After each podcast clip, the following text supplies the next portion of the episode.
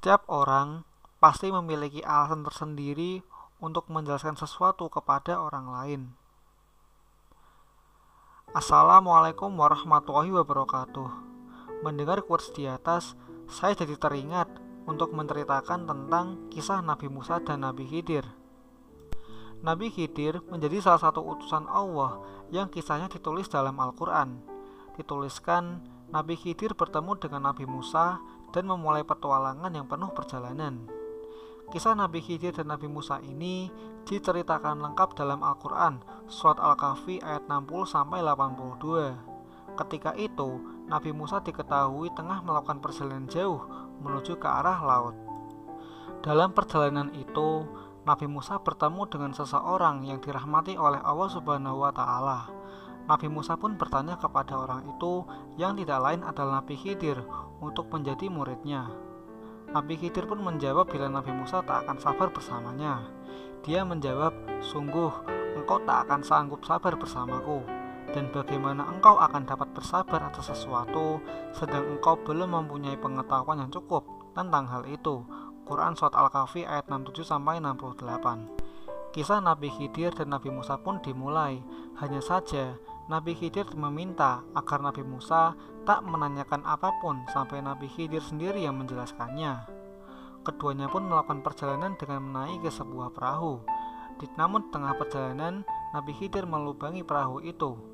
Melihat hal itu, Nabi Musa bertanya alasan melubangi perahu, sebab hal itu bisa membuat penumpang di atasnya tenggelam.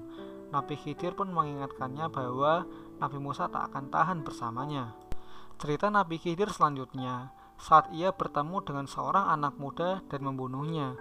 Nabi Musa pun bertanya-tanya penuh misteri alasan perbuatan mungkar itu.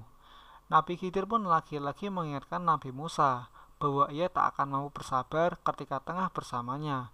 Mereka pun berjalan bersama kembali hingga di sebuah kota. Sesampainya, mereka berdua meminta untuk dijamu oleh penduduk, tetapi para penduduk tidak mau menjamu mereka. Nabi Khidir pun melihat terdapat dinding rumah yang hampir roboh dan membenarkannya. Melihat hal itu, Nabi Musa mengatakan bahwa Nabi Khidir bisa meminta imbalan sebagai gantinya. Mendengar itu, Nabi Khidir pun memutuskan untuk berpisah dengan Nabi Musa. Nabi Khidir juga menjelaskan berbagai pelajaran yang terjadi selama perjalanan kepada Nabi Musa. Nabi Khidir mengatakan bahwa perahu yang ia lubangi merupakan milik orang miskin, sedangkan di depannya terdapat raja yang merampas setiap perahu, sehingga hal itu dilakukan untuk menyelamatkan perahu tersebut. Kemudian, anak muda yang dibunuh merupakan seorang kafir, sementara kedua orang tuanya adalah mukmin, sehingga Nabi Khidir khawatir jikalau sang anak bisa membawa orang tuanya dalam kekafiran. Dalam kisah Nabi Khidir, ia juga berdoa agar Allah Subhanahu wa taala memberikan anak yang lebih baik kepada keluarga tersebut. Terakhir, Nabi Khidir menjelaskan kepada Nabi Musa perihal dinding rumah yang ia perbaiki. Menurutnya, rumah tersebut milik dua anak yatim dan di bawahnya terdapat harta bagi mereka berdua. Ayahnya merupakan orang yang soleh. Allah Subhanahu wa Ta'ala pun menghendaki agar saat dewasa dapat mengeluarkan simpanan tersebut dalam rumah yang aman. Begitulah kisah Nabi Khidir dan Nabi Musa.